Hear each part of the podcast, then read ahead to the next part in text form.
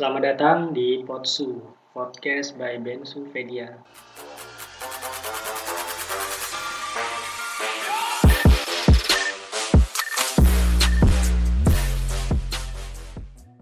Halo teman-teman Sovedian dan para Laskar Sambat, kembali lagi bersama saya Cak Beni dalam acara yang agak serius, namanya ini Gibah Ilmiah. Hari ini kita kedatangan teman baik saya, saudara Farid Nur Rahman. Si Bro Farid ini adalah pengamat tata kota yang udah uh, malang melintang di dunia tata kota dan juga entrepreneurship. Jadi dulu kita sempat ngelmu bareng di ITS, saya di teknik sipil dan Bro Farid ini di planologi. Tapi kita ketemu bareng di tim basket ITS, jadi ya lumayan banyak ngobrol ngalor itu terkait dengan uh, tata kota dan yang lagi rame sekarang ini terkait dengan banjir. Nah, uh, di kesempatan kali ini di podcast ini kita akan secara khusus bahas tentang banjir.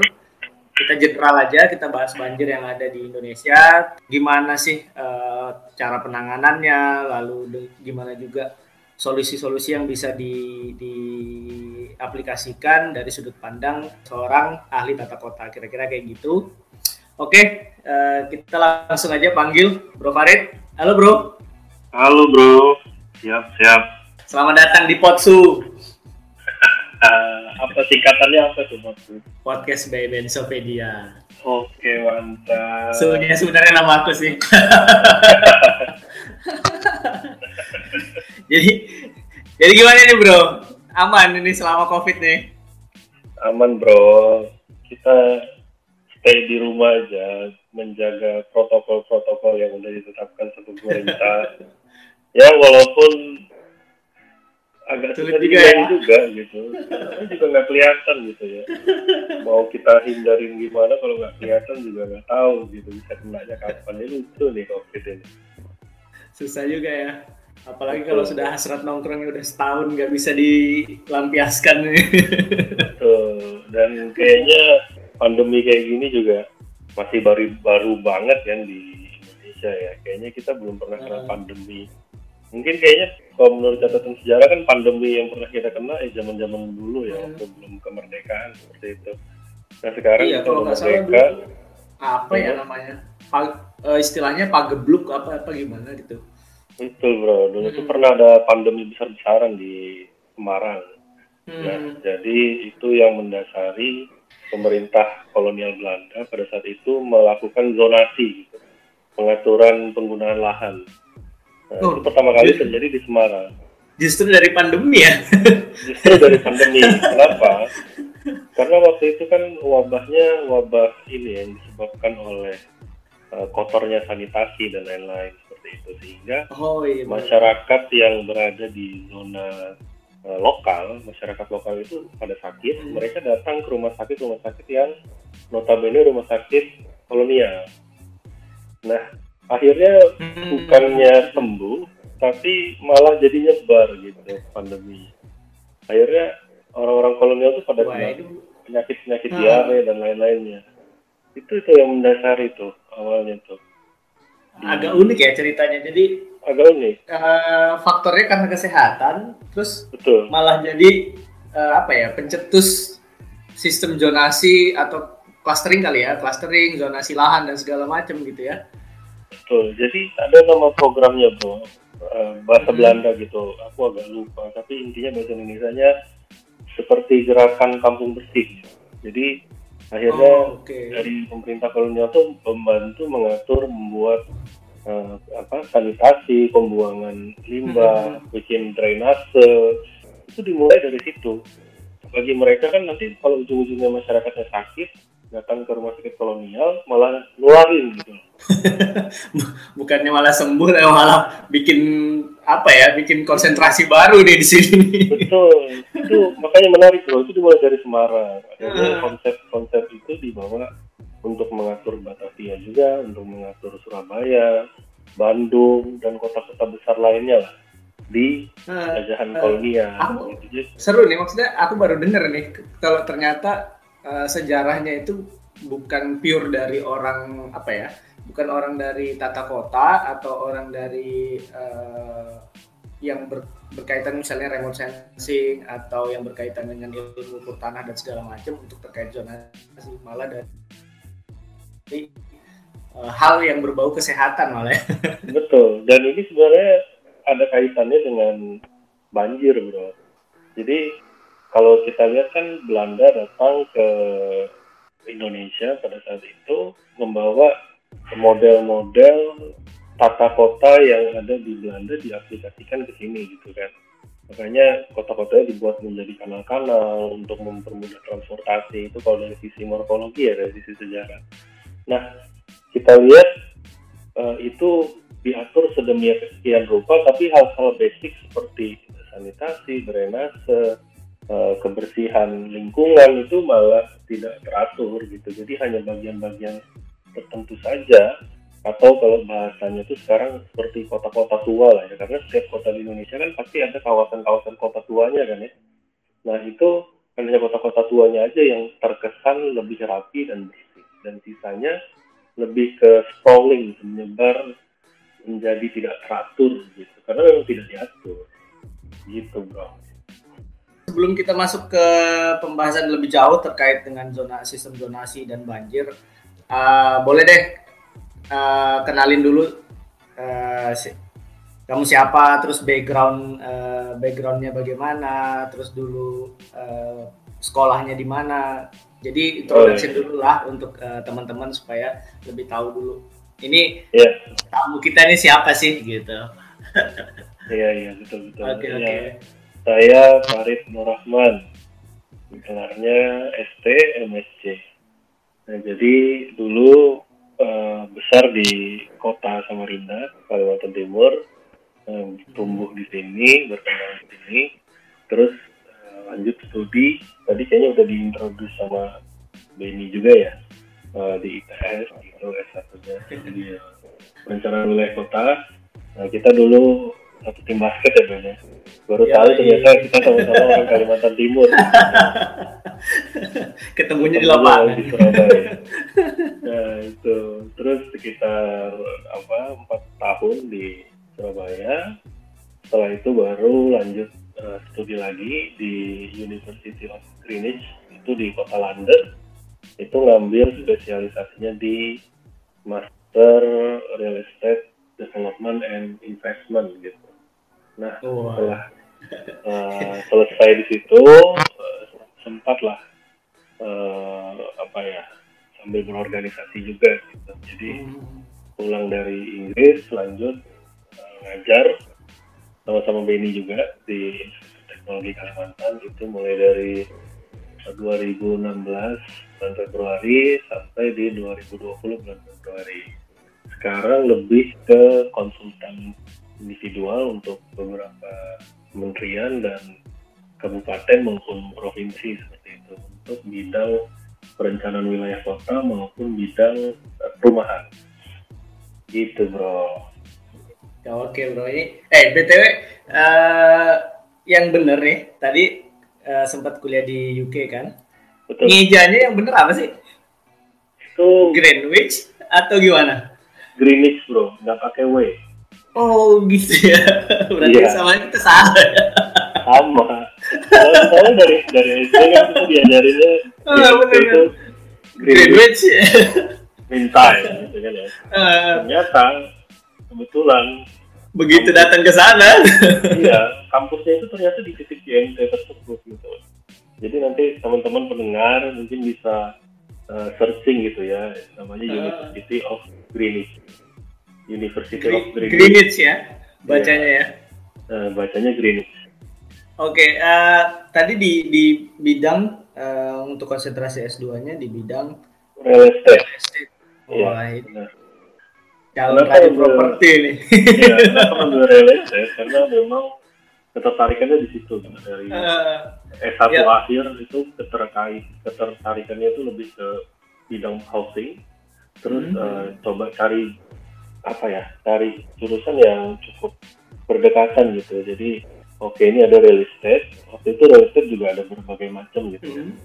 nah dan ini spesifikasinya di development and investment gitu bagaimana pengembangan bagaimana investasinya dan dari situ benar-benar tahu ternyata real estate itu tidak hanya sekedar housing saja, tidak hanya sekedar perumahan saja, tapi Mhm. ada yang lebih besar gitu, real estate yang tipikal-tipikal yang lebih besar karena eh, termasuk pelabuhan itu ternyata juga bagian dari real estate gitu. Terus eh, Hmm. apa ya? Ma- masuk juga ya. Betul, mas, mas- masuk juga. Jadi banyak banget studi-studi kasus yang baru yang sebenarnya waktu di Inggris itu perbedaannya adalah kita dipaksa belajar, kita dipaksa bagaimana menggunakan cara berpikir mereka untuk menyelesaikan masalah-masalah gitu. Hmm. Jadi tidak membawa cara berpikir kita dari Indonesia untuk diaplikasikan di sana, tapi mendapatkan pemikiran Sebaliknya ya. baru gitu ya. Kita dipaksa di hipnotis gitu, semacam dicekokin gitu ya pemikiran-pemikiran sana. Eh, tapi banyak banget ilmu-ilmu yang eh, didapatkan. Bahkan saya sendiri merasa eh, Mhm. bahwa satu tahun studi di Inggris sama kemarin empat tahun studi di eh, waktu S1 itu lebih banyak menyerapnya itu lebih banyak pada saat di Inggris. Hmm.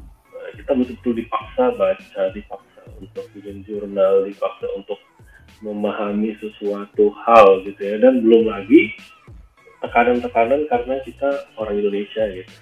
Eh, Iya. yang memang sangat jarang gitu kan di sana.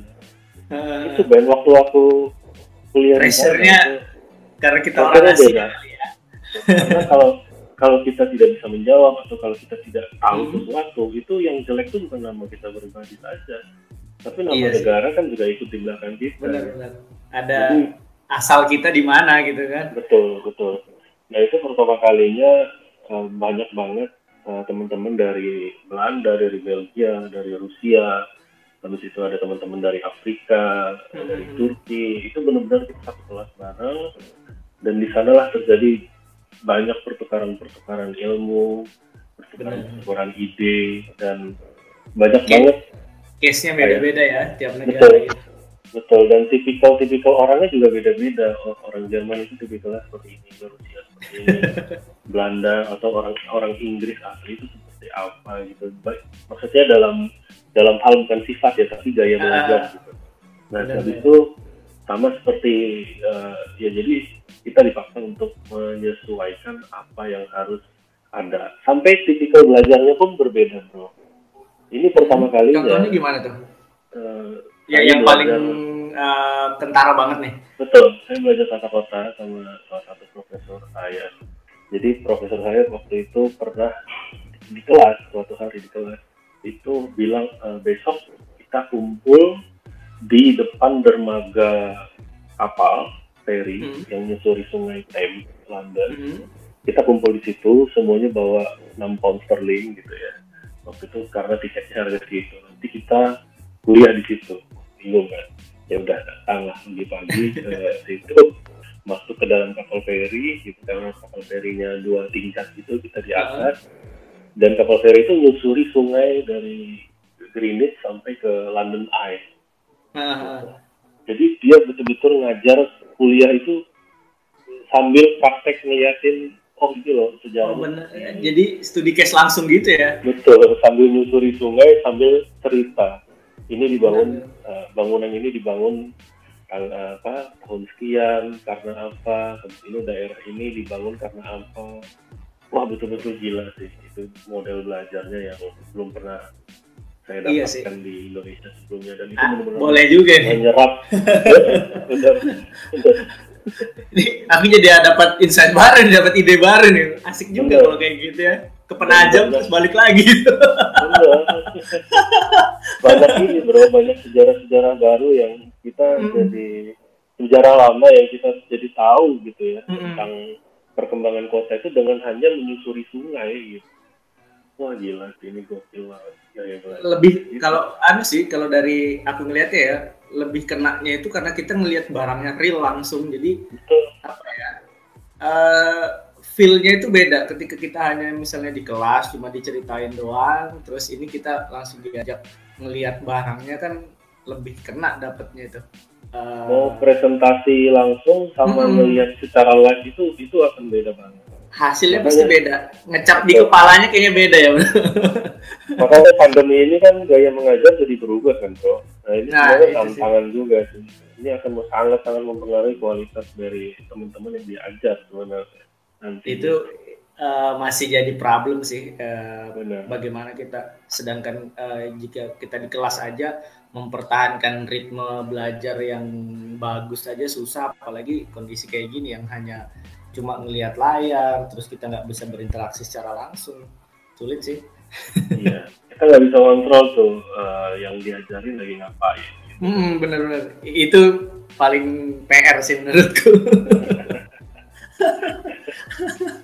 itu bro kira-kira introductionnya background.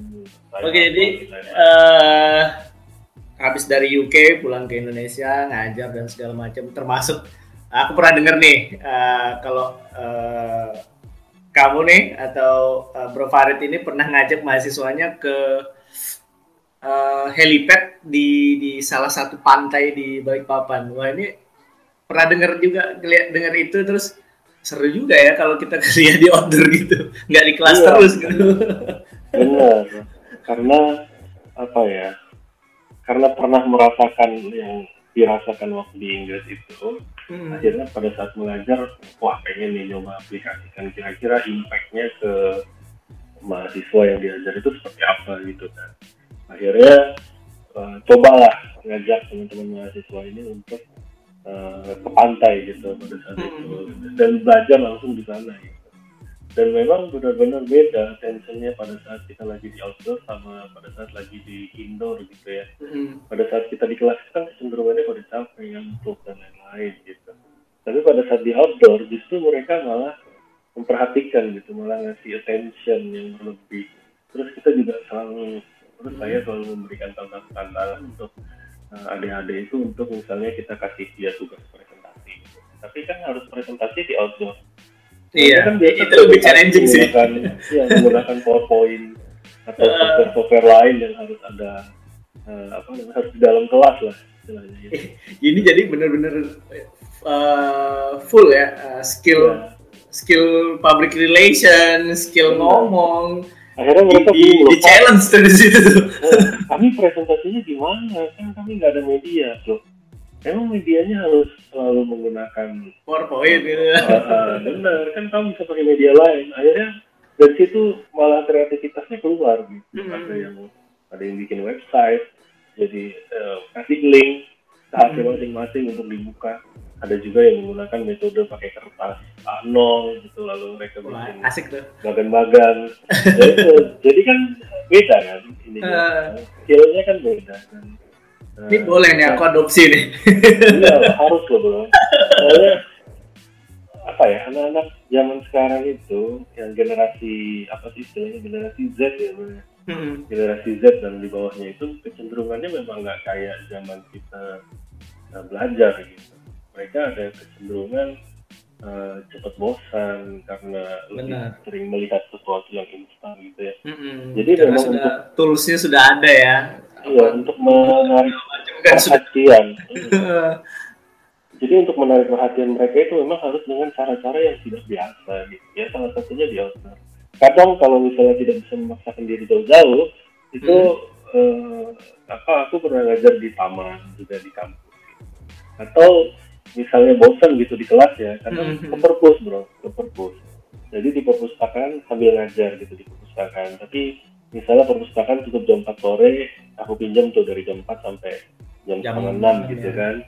Ya itu nanti ngajar lah di situ. Itu tetap beda hasilnya karena mereka sambil santai kan sambil mm-hmm. sambil nggak duduk di nggak duduk dia di meja gitu iya di kursi dan meja yang kaku gitu kan. Uh, suasana apa? Mereka lebih rileks lah kayaknya kalau misalnya lesehan gitu gitu kan.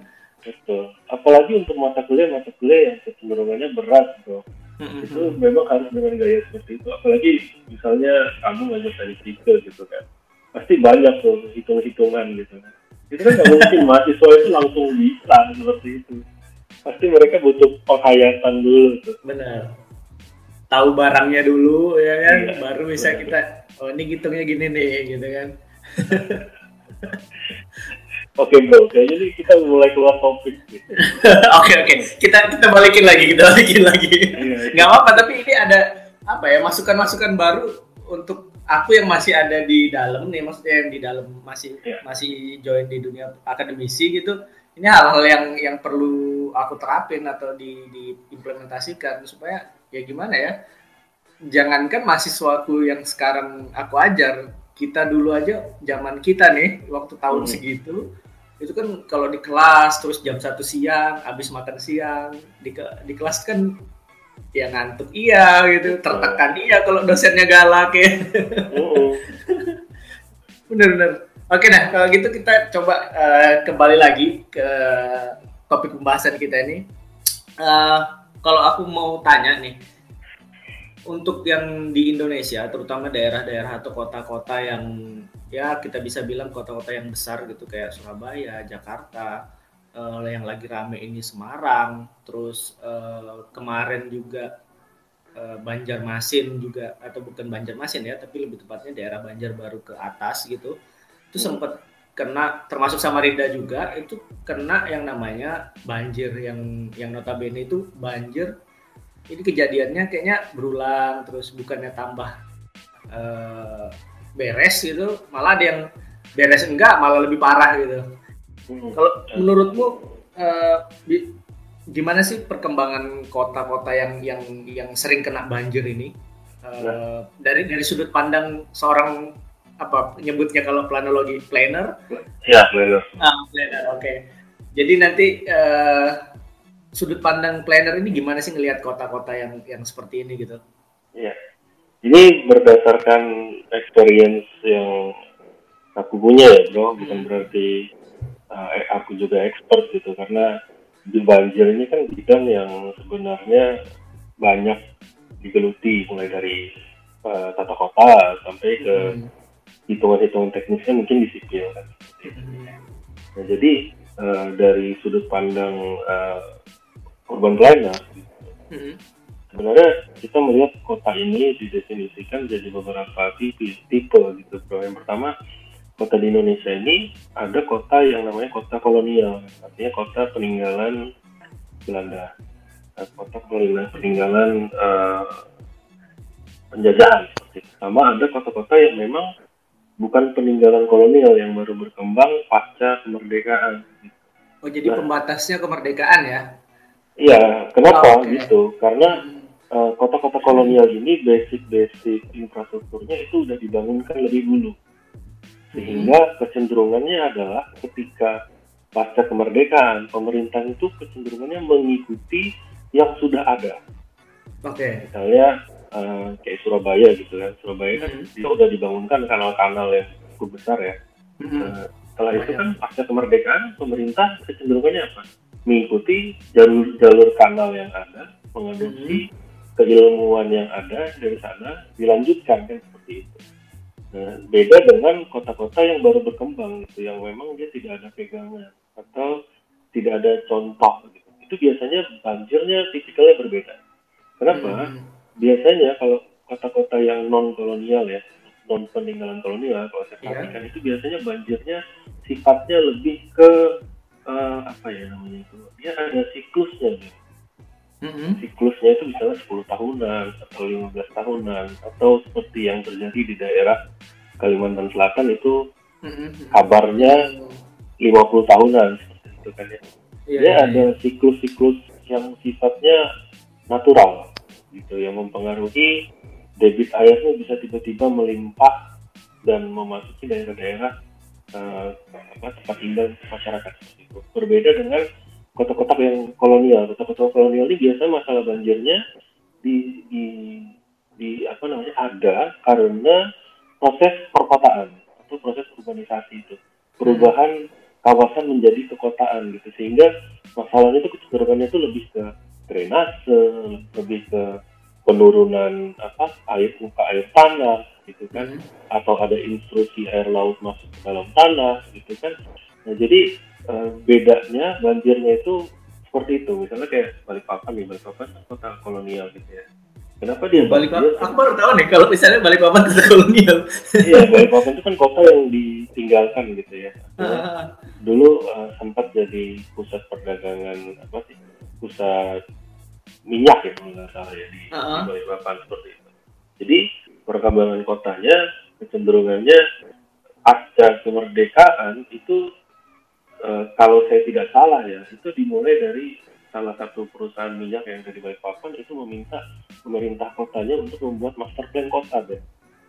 Oh, oke. Okay. Uh, ya tahu lah ya. Hmm. Kalau berarti nah. kalau si dalam tanda kutip ya, misalnya si perusahaan ini itu tidak meminta untuk membuat master plan kota, bisa jadi Balikpapan itu mempunyai master plan kota itu akan mundur lagi dong berarti. Bisa jadi karena kamu lihat hmm. kenapa dia minta ini master plan kota? Kamu lihat deh perkampungan yang berada di sekitaran kompleks tersebut. Uh, uh, Sampai sekarang yang, yang di pinggir pantai itu ya? Iya, benar. Ah, okay. Padat, tidak teratur, uh, uh. ya kan? Itu kecenderungannya jadi mengganggu. Iya, yeah, iya, yeah, iya. Gitu. Nah, jadi uh, makanya beda-beda. Tapi hampir sama masalahnya. Kalau Balikpapan kan banjir karena uh, air air airnya uh, kurang kekurangan air tanah sehingga air laut itu masuk ke dalam tanah seperti itu. Itu yang merusak uh, sistem-sistem drainase gitu karena air laut gitu. Nah, sehingga ter, eh, terjadi korosi terjadi apa pengendapan lumpur dan lain-lain sehingga tidak lancar gitu. Akhirnya akhirnya mengendap di kawasan perkotaan ketika terjadi hujan. Kan contohnya kayak di jadi Balikpapan gitu. Kalau di Surabaya kan beda lagi tuh. Tapi hampir sama. Pasti masalahnya karena drainasenya nggak cukup untuk mengalirkan air yang ada. Termasuk di Jakarta kan seperti itu. Nah. walaupun di Jakarta ditambah kasus lagi. Karena kan dasar-dasar perkotaan itu kan kita melihatnya yang pertama dari satu topografinya kan ah. ya, kita lihat topografinya ya. seperti apa. Yang kedua geologi. Kita lihat faktor geologinya itu gimana. Bebatuannya itu beda kan bebatuannya hmm kota di Kalimantan, di Sumatera, di Jawa itu beda, ya kan? Nah, benar. Struktur tanahnya berbeda. Yang ketiga geografi, ya kan? Kita lihat dari struktur ketinggiannya berapa meter di bawah laut, ada yang di bawah, ada yang kotanya lebih rendah daripada laut, mm-hmm. ada yang kotanya yang di atas bukit, ada yang di anak anak kaki gunung. Itu perlakuannya pasti akan beda-beda seperti itu. Lalu yang keempat kita lihat dari klimatologi, kita lihat dari iklimnya. Iklimnya di Kalimantan Selat Jawa, Selat Sulawesi, uh, habis itu Jawa bagian utara, Jawa bagian selatan itu kan punya iklim yang berbeda-beda, gitu kan? Hmm. Itu juga mempengaruhi. Iklim lokalnya agak agak ya. beda-beda banget sih. exactly, itu klimatologi. Yang terakhir itu dilihat dari vegetasinya, gitu. Ah, iya uh, vegetasi naturalnya apa, yang tidak natural atau, atau vegetasi buatannya gimana? Karena pada dasarnya itu juga mempengaruhi Nah dari lima unsur uh, perkotaan dasar tadi, itulah yang dilihat uh, yang menjadikan dasar bagaimana merencanakan kota agar tidak banjir seperti itu. Kira-kira dasarnya itu dulu, Bay. Kacamata. Oke. Okay. Uh, aku benar. Aku agak tertarik nih tadi yang sama uh, salah satu unsur itu kan ada di geologi nih jenis batuan, Betul. tanah dan segala macam. Nah, uh, yang terjadi sekarang ini kalau misalnya kita bicara banjir ada banyak uh, masyarakat yang mengatakan bahwa salah satu solusi uh, itu menggunakan um, di di Jakarta juga juga make misalnya uh, saya nggak tahu kalau di Surabaya apakah itu diterapkan secara aturan daerah atau enggak kalau di Jakarta dia menggunakan uh, biopori biopori atau sumur yeah. atau bagaimana nah cuma uh, kalau kalau dari kami ya dari di, di, di sisi sipil ketika kita membuat biopori kembali lagi benar ke, ke, kata katamu tadi lihat dulu nih faktor geologinya apa. Uh, dia bisa menyerap air atau enggak nih? Karena nanti hmm, hmm. ketika uh, karena ketika nanti kita bikin biopori ternyata tanahnya atau jenis batuan uh, jenis permukaan tanahnya itu nggak bisa menyerapkan air jadi kayaknya jadi percuma aja. Jadi ya airnya nggak nggak akan masuk juga nih ke dalam tanah oh. akan terinfiltrasi gitu loh. Iya. Jadi kalau nanggapin kayak gitu gimana kira-kira nih? Nah, ini benar katamu bro. Tadi kan kamu ada sebut masalah infiltrasi. Di hmm. urban planning itu itu dipelajari. Jadi hmm. uh, faktor geologi itu akan mempengaruhi infiltrasi yaitu percepatan uh, serapan air ke dalam tanah seperti oh, itu kan ya. Jadi ketika air datang dari langit turun berapa persen yang bisa diserap sama tanah hmm. berapa persen yang harus dialirkan ke dalam drainase yang sifatnya mulai dari tersier, sekunder sampai ke primer seperti itu kan bro. Nah, jadi uh, apa sih yang mempengaruhi gitu? Memang karena kecepatan peserapan tanah itu berbeda. Untuk di daerah R1 atau permukiman padat penduduk, hmm. kalau di dalam zonasi perkotaan itu biasanya infiltrasinya itu mendekati uh, berapa ya angkanya? Oh, aku agak lupa. Kayaknya sekitar 0 sampai 1 apa gitu. Itu yang diartikan. Uh, iya. Uh, kalau iya, bener, infiltrasi benar range-nya kan antara 0 sampai 1. Jadi kalau dia sampai kalau di kami itu ada namanya koefisien uh, pengaliran. Jadi kalau dia daerahnya padat penduduk kayak tadi itu dia mendekati satu. Iya, mendekati satu uh, artinya tidak teralirkan sama sekali kan kayak gitu kan. Uh, teralirkan. Oh, teralirkan ya. Uh, teralirkan. Yang tidak kalau teralirkan itu yang yang nol, yang mendekati nol. Yang nol ya, mendekati nol. Uh, ya. Nah, makanya semakin ada beberapa daerah yang memang mendekati nol, ada beberapa daerah yang mendekati satu gitu ya. Ada yang bisa teralir dengan sempurna, ada yang tidak teralir sama sekali. Ada kawasan-kawasan ruang terbuka hijau yang memang seharusnya itu adalah kawasan daerah the koefisien penyerapannya tinggi gitu. Hmm. Ada juga daerah-daerah yang memang seperti tidak bisa diserap gitu ya. Nah, lalu apa sih hubungannya dengan gerakan-gerakan seperti melakukan membuat apa namanya tadi? Seperti yang bilang uh, biopori tumor, ya biopori dan lain-lain. Itu sebenarnya bukan masalah kecepatan serapan tanahnya kan tapi lebih ke faktor sosialnya. Artinya oh, membuat masyarakat semakin sadar kalau kamu tidak berbuat apa-apa kotamu tuh akan banjir.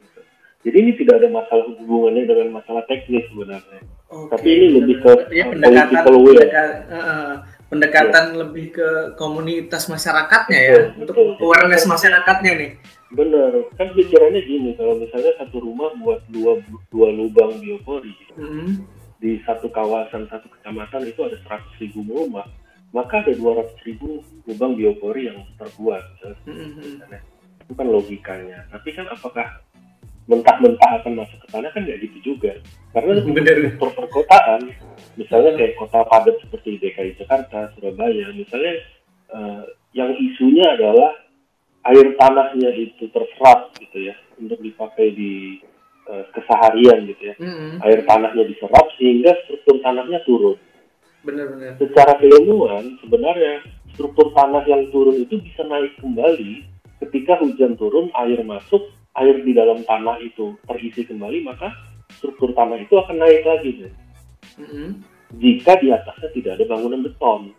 Dengan syarat infiltrasi tadi tetap berlangsung ya. Betul, dan di atasnya tidak ada bangunan beton. Tapi kan masalahnya ketika air tanahnya terisi kembali, tapi kan dia tidak punya daya kekuatan untuk mengepus bangunan-bangunan beton yang ada di atas. Cara logika kan seperti itu. Ter terhambat lah dia ya kan? Terhambat, terhambat. Jadi ya struktur tanah akan tetap terus turun uh, karena masifnya pembangunan tadi gitu itu yang membuat uh, infiltrasi tadi jadi malah mendekati nol atau tidak bisa terserap sama sekali akhirnya hmm.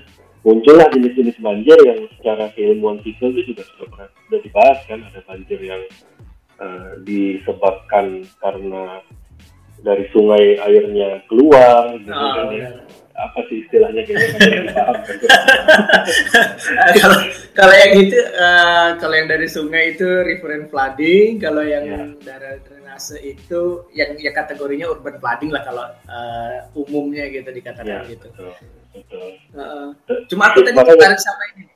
Uh, tadi sempat kan uh, zona apa zonasi yang padat penduduk dan sebagainya ini aku cuma penasaran nih Ya. Ketika seorang planner me, me, apa ya, merencanakan suatu kota atau menzon membuat zonasi di suatu kota, itu pertimbangannya apa? Dan kalau misalnya kita sudah bikin nih uh, master plan ya. kota uh, kan sudah ada ap, apa ya kalau master plan kota? R R RTRW RTRW dan RTD RK ya?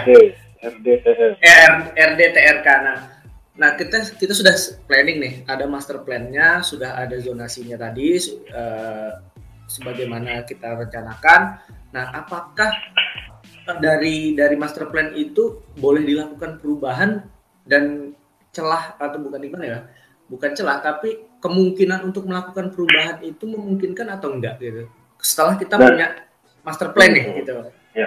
Eh, aku penasaran banget sama yang ini. Jadi bro, master plan-nya di Indonesia itu human centric. Jadi dia akan selalu mengutamakan sisi faktor manusianya.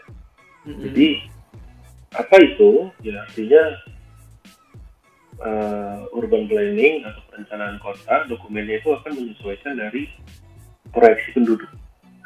Jadi penduduk yang ada gitu ya diproyeksikan selama 20 tahun ke depan kira-kira berapa pertumbuhannya. Lalu habis itu akan diproyeksikan pertumbuhannya itu lebih ke daerah atau misalnya di breakdown ke kecamatan mana. Nah, dari situ nanti baru dihitung oh berarti kecamatan A ini akan butuh infrastruktur drainase panjang sekian, jalan sekian, habis Hmm. itu akan membutuhkan sekolah sebanyak ini, akan membutuhkan SMP, SD, SMA, TK berapa buah, habis itu akan akan butuh fasilitas kesehatan berapa, akan butuh fasilitas lain-lainnya itu berapa.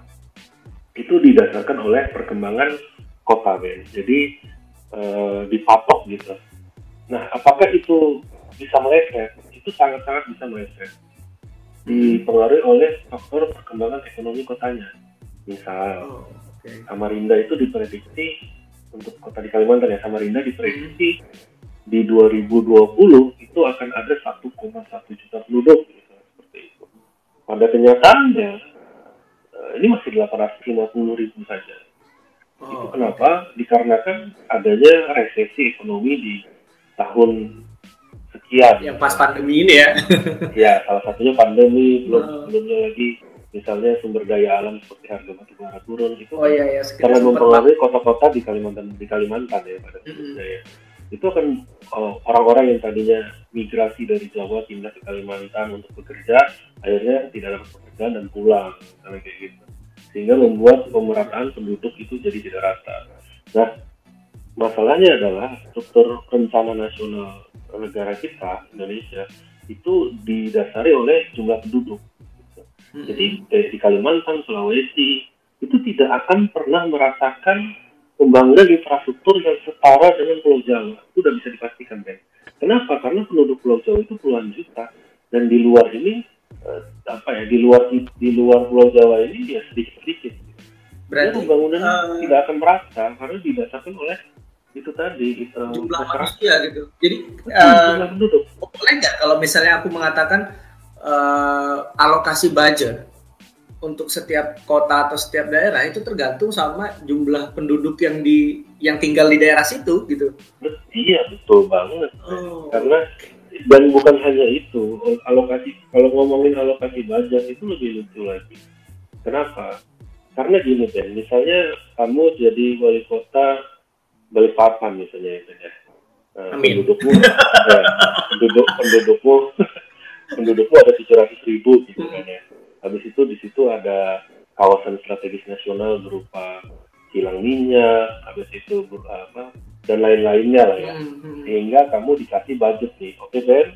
Eh, misalnya aku presidennya ya Ben kamu tak kasih uang eh, 3 triliun untuk tahun 2021 kamu bangun nih Balikpapan Hmm. akhirnya kan kamu dari sisi sebagai eh, leader kan kamu akan berpikir untuk ini 3 triliun dipakai buat apa ya Ah iya, Ya, penyerapannya untuk ke mana ya gitu. betul Ah. gaji pegawai ada yang sifatnya tetap ya seperti gaji Ah. pegawai eh, pembangunan apa sekolah dan lain-lain itu kan tapi ada juga yang sifatnya eh, politis gitu ya Oh. mendukung program-programmu sebagai wali kota Ada ada ada faktor X lah ya yang yang Iya, akhirnya alokasi budget itu eh, terbaginya bisa tidak merata gitu. iya tapi poinnya bukan di situ Ben poinnya adalah kamu kamu kupaksa ngabisin uang 3 triliun selama satu tahun Satu tahun. ah. Betul. Nanti kan di di di bulan Desember akan dievaluasi kan. Dari Hmm. 3 triliun berapa uang yang kamu pakai yang bisa tersalurkan dengan benar administrasinya dan tidak menyalahi aturan-aturan misalnya seperti itu. Mhm. Misalnya dari 3 triliun kamu hanya bisa menghabiskan 2,8 triliun. Ben. Oke. Artinya kan ada sekitar 200 miliar Hmm, yang, yang yang tidak terpakai. tidak terpakai. Ya. Lalu tahun depannya 2022 kamu tak kasih uang kira-kira berapa? Pasti 2,8 triliun dong, nggak aku kasih 3 triliun. Kenapa? Karena 3 triliun aja nggak bisa nggak habis. Uh, Apalagi kamu, iya kan? Jadi akan dihabiskan sesuai dengan kemampuan pengelolaan keuangan daerahnya kan. Oke. Okay. Nah, padahal bisa bisa jadi di tahun depannya kebutuhannya akan berbeda masyarakatnya nanti. Uh, penduduknya bertambah, mm -hmm. ke kebutuhan drainase bertambah, kebutuhan listrik bertambah dan lain-lainnya dan harusnya itu harus di harusnya budgetnya harusnya dari 3 triliun naik jadi 3,5 tapi karena harusnya kamunya iya karena, karena di tahun sebelumnya ya ngabisin poinnya adalah poinnya adalah uh, akhirnya kecenderungannya adalah uh, proyek sentris loh jadi okay. gimana caranya nih uang segera dihabisin dihabisin aja supaya nanti dapat uang yang lebih banyak lagi Nah, okay. akhirnya pembangunan kotanya kecenderungannya lebih ke arah apa ya? Hanya ber, berpangku pada anggaran kota, gitu. Hmm. Bukan bukan yang kota yang mandiri dari sektor jasa atau kota yang mandiri dari sektor pariwisata atau kota yang mandiri dari sektor industri kecenderungannya itu tidak seperti itu akhirnya dari kebanyakan kota walaupun banyak kota di Indonesia yang memang sudah mandiri kayak Balikpapan kan kota yang mandiri dengan bisnis dan industrinya seperti itu ya. Lalu ada juga kota yang uh, beberapa kota seperti Surabaya, kota jasa, uh, Malang atau Batu, kota pariwisata seperti itu ya yang sudah mandiri hmm. seperti Bali. Tapi ada juga dan lebih banyak lagi kota-kota kabupaten di Indonesia yang belum mandiri dan masih Banget. belum mendapatkan yeah, yeah. silang. Iya iya. Ya, kalau apalagi di daerah kita ya maksudnya di daerah Kalimantan ini kalau dari secara kasat mata nih kelihatan sih Bana yang yang kira-kira ini kota belum mandiri banget. Gitu. Nah, kau bayangin Ben, dari sisi pengelolaan keuangan daerah saja kita masih seperti itu. Bagaimana cara membelanjakannya untuk mengatasi masalah-masalah banjir? Nah, padahal banjir ini butuh infrastruktur yang nilainya itu tidak sedikit, benar kan? Benar, benar, benar. Nilai cukup besar. Akhirnya apa? akhirnya penyelesaiannya itu hanya di atas dokumen. Kenapa? Oh, Karena ini... dokumen murah daripada bangun bangun. Iya. Ben. aduh, aku jadi speechless. Speechlessnya, aduh kok gini ya? Tapi seperti itu. Atau jatuhnya nanti politis, Ben. Atau menyalahkan beberapa uh, permasalahan. Misalnya di kota A, wah ini karena masyarakat tinggal di pinggir sungai nih ya udahlah itu aja tuh digusur gitu ini yang bikin banjir anu ya jadi cenderungannya lebih ada kambing hitam. Gitu. ah benar ada aku bilang ada kambing ada ada yang harus dikambing hitamkan jadi. Supaya uh, program si yang based on project tadi ini bisa jalan gitu ya. Nah itu dia kenapa jadinya perencanaan kota itu lebih fokus kepada masalah. Bukan hmm. lebih fokus kepada uh, penyebabnya gitu tapi akibatnya. Lebih fokus pada akibatnya harusnya yang kita selesaikan kan adalah sebabnya gitu. Kalau sebabnya selesai kan akibatnya akan selesai. Misal contoh penyebab banjir di kota A adalah kurangnya ruang terbuka hijau. Gitu. ya udah fokusnya berarti kan penambahan ruang, terbuka hijau. yang ditambahin. Betul. Tapi kan kita karena tidak ada ruang terbuka hijau maka banjir. Banjir mempengaruhi daerah A, daerah B, daerah C. Selama ini uh, gaya berpikirnya adalah yang diselesaikan adalah masalah di lokasi A, lokasi B, lokasi C, gitu, bukan hmm. penyebabnya. Kenapa? Karena secara politis itu lebih uh, bisa dijual, gitu ya daripada. Gak kelihatan ya, maksudnya uh, ya gimana ya? Bisa bisa dilihat lah istilahnya. Betul, betul, betul. Dan itu ya itulah uh, bahkan untuk uh, seperti DKI Jakarta misalnya dia punya hmm. anggaran yang sangat fantastis gitu ya Benar, uh, bahkan ber, beratus kali kota-kota lain gitu atau beratus kali provinsi lain. Dan itu aja uh, penyelesaian banjirnya juga akhirnya nggak selesai-selesai karena ganti government ganti leader ya ganti, ganti lagi kebijakannya adalah ada istilah naturalisasi lah ada istilah normalisasi lah ya. Malah ribut di situ gitu. Malah dia meributkan hal-hal yang kayak gitu ya Benar-benar. padahal pada saat mereka ngeributin itu masyarakatnya lagi ada yang tinggal di atas gitu kan lagi ada yang ada yang benar ada yang lagi kebanjiran ada yang benar bro karena banjir ini bukan masalah yang sepele gitu ya e, misalnya kita ambil contoh di Samarinda gitu hmm. e, posisi kita tinggal sekarang gitu hmm. Samarinda ini saking seringnya banjir akhirnya masyarakatnya menganggap banjir itu sesuatu yang biasa nah ini aku tertarik biasa. boleh nggak aku potong nih ini yang yang oh, aku tertarik oh. nih Oke okay, oke. Okay. Uh, kan ini ini uh, kayaknya bidang bidangmu banget nih bro.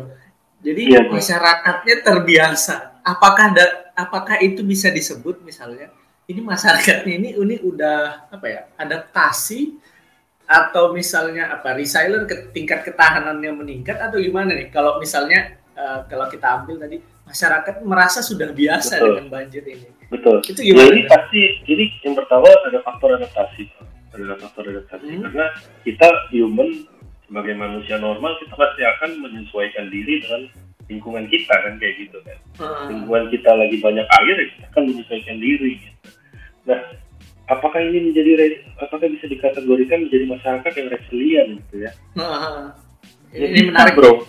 Ini ini masyarakatnya ini posisi di resilient gitu.